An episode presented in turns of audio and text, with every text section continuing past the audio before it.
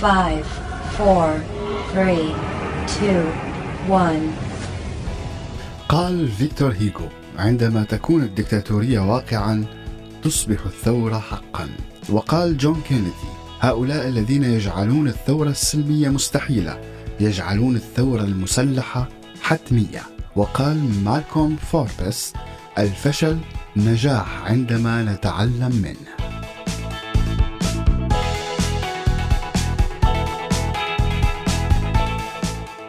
تخيل لو رجعنا لأول لحظة لأول صرخة بالشارع لبداية الطريق. وقت كانوا كتار من السوريين اللي عم يحلموا بالحرية والعدالة والمساواة لساتهم بالبلد.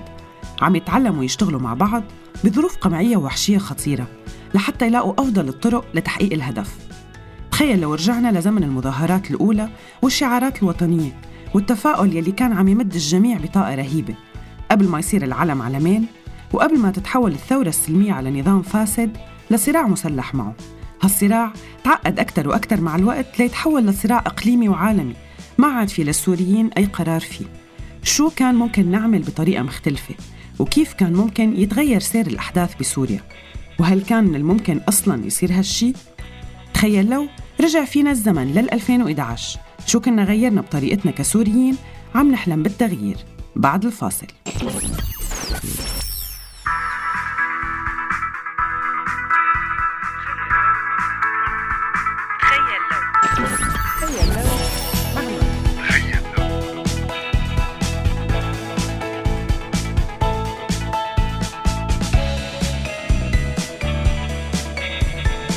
تخيل لو مع مي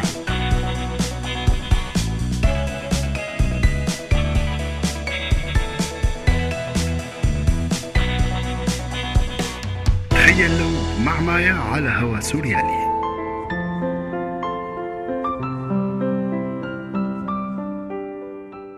مرت الثورة السورية بمراحل مختلفة. أولى مراحلها والأقصر عمراً كانت المرحلة السلمية والمرحلة اللي كان فيها الحراك الشعبي والأهلي له الأهمية القصوى بحشد الرأي العالمي والتعبير عن الرفض الشعبي الواسع للنظام السوري وعن المطالب الشعبية بالتغيير. مطالب حاولت قوى سياسية ترجمتها وقيادتها لكن الخلافات السياسية والشخصية وعدم القدرة على التوافق دمرت لغة الاحترام بين الممثلين السياسيين من هيئة التنسيق للمجلس الوطني للائتلاف الوطني وغيرهم من التشكيلات الأقل شهرة.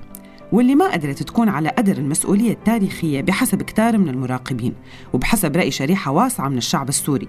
الشيء اللي روح على السوريين فرصة إثبات قدرة السوريين على إفراز قيادة قادرة أنه تحقق توازن داخلي وخارجي وتقرأ معطيات سياسية صح وتحقق تطلعات الشعب السوري بالحرية والديمقراطية.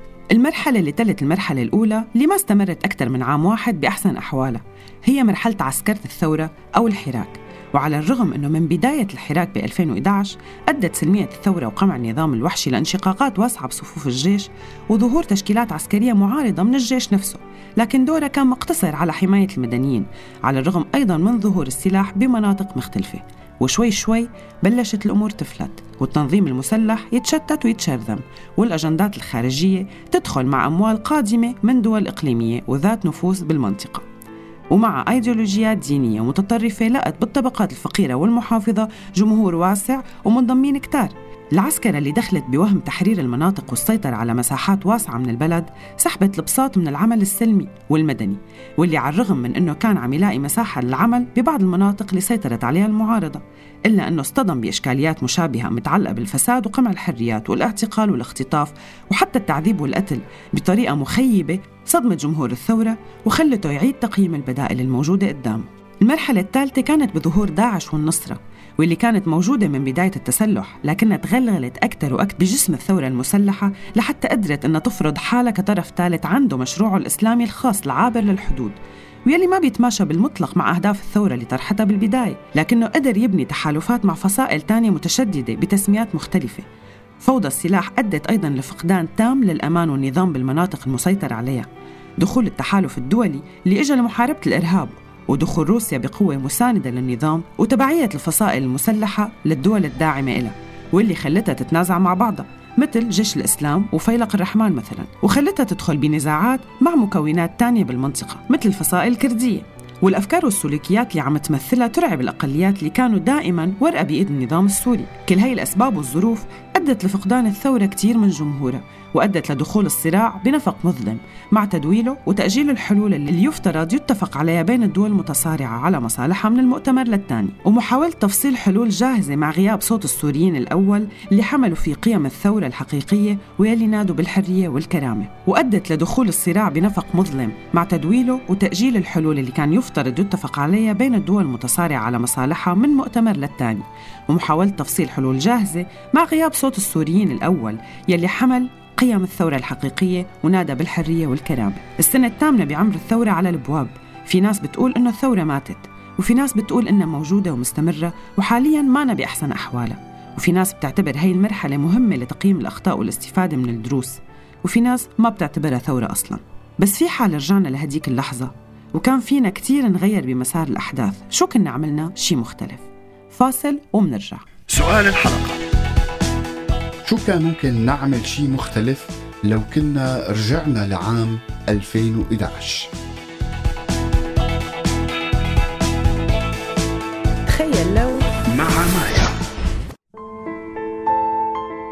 إذا ممكن تنجمع الأشياء يلي كان ممكن يتم التعامل معها بطريقة مختلفة فصعب كتير تترتب حسب أهميتها وصعب السوريين كلهم أصلا يتفقوا عليها. في ناس بتعتبر إنه شو ما انعمل بشكل مختلف ما كانت الدول الكبيرة رح تترك الثورة السورية تنتصر. ويمكن من الصعب ثورة ببلد صغير مثل سوريا تحقق أهدافها المطلقة بدون ما يتغير النظام العالمي كله. لكن بالمقابل ما فينا نقول إنه لو كان في قرارات مختلفة ببداية الأحداث ما كان تغير شيء. أول شيء كان ممكن ينعمل أنه العمل المدني السري يكون أكثر حذراً وما يتم الاستهانة بقدرة الاستخبارات السورية على أنها تخترقه وتدمره وكان من المهم جداً أنه ما يتم الاستخفاف بذكاء النظام وقدرته على لعب السياسة بطريقة بتخدم مصالحه وبتخليه يبقى بالسلطة. ولو أنه اندفع ثمن كتير غالي لحتى يحصل على هالنتيجة. السلاح بحد ذاته برأي كتار كان خطأ فادح. هل يا ترى كان ممكن تلافيه بالوضع السوري؟ يمكن كان كتير صعب لكن خيار مثل هاد كان يفترض أنه يكون في وراه قيادة قوية عندها قراءة للواقع السياسي ترفض بالمطلق الأموال اللي بتحمل أيديولوجية متطرفة وبترفض تحط إيدها بإيد التنظيمات الإرهابية ولو خسرت مكاسب من وراء هالشي حتى لو خسرت مناطق وهالشي اللي صار بكل الأحوال بالنهاية. لكنها ما كانت خسرت جمهورها وكان من الممكن أن تشكل مقاومة بطرق مختلفة بدون ما تسيطر على أرض. السيطرة على أرض أو التحرير مثل ما كان يتسمى. هو واحدة من أكبر الأفخاخ اللي وقعت فيها الثورة السورية واللي أدت لحصار وفقدان القاعدة الشعبية وظهور أمراء الحرب والصراع على الموارد وظهور اقتصاديات الحصار وتهريب الأشخاص والمواد. وعلى الرغم من أنه الناس اعتقدوا أنه الحرب ما كانت رح تطول هالقد وأنه الجيش الحر أو كتائب المعارضة رح تحرر البلد.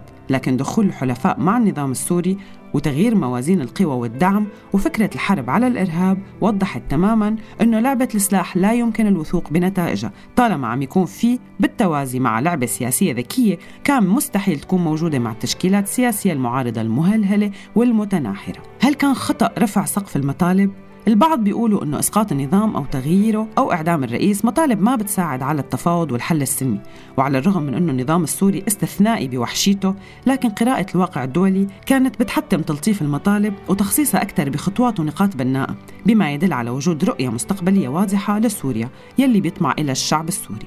هل من المستحيل القيام بثورة بدون دعم خارجي؟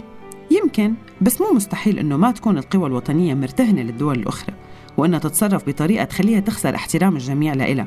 من الشعب بكل أطيافه وتوجهاته السياسية للقوى الداعمة نفسها. للأسف بالثورة السورية المناداة بالتدخل العسكري الخارجي وتحول كثير من الفصائل لأدوات بتحركها الأطراف الإقليمية والدولية أدى للتشكيك بوطنية الحراك حتى السلمي من أساسه. فاصل ومنرجع. وجهات نظر.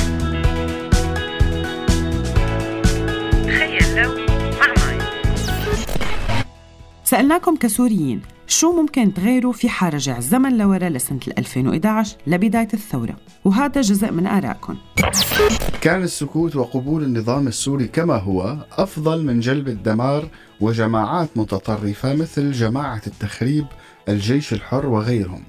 أصلا الثورة السورية لم يقم بها السوريين بل كان التخطيط غربي والسوريين كانوا الضحايا قتلوا بعضهم وشردوا بعضهم النفاق كان من الشعب من أول لحظة استخدم السلاح ضد الإرهاب الأسدي مباشرة هل فعلا رح نقدر كسوريين يوما ما نحول الفشل لدرس يتعلموا منه الأجيال الجاية؟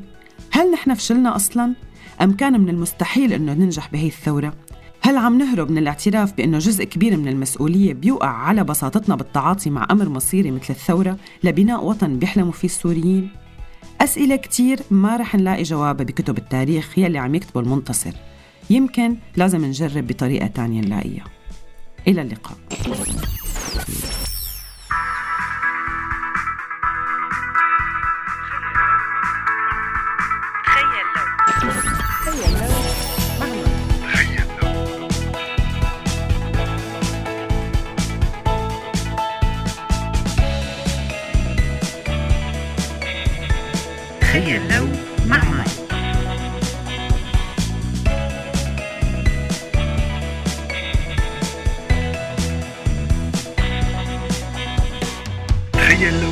لو مع مايا على هوا سوريالي. هذا البرنامج من إنتاج سوريالي 2018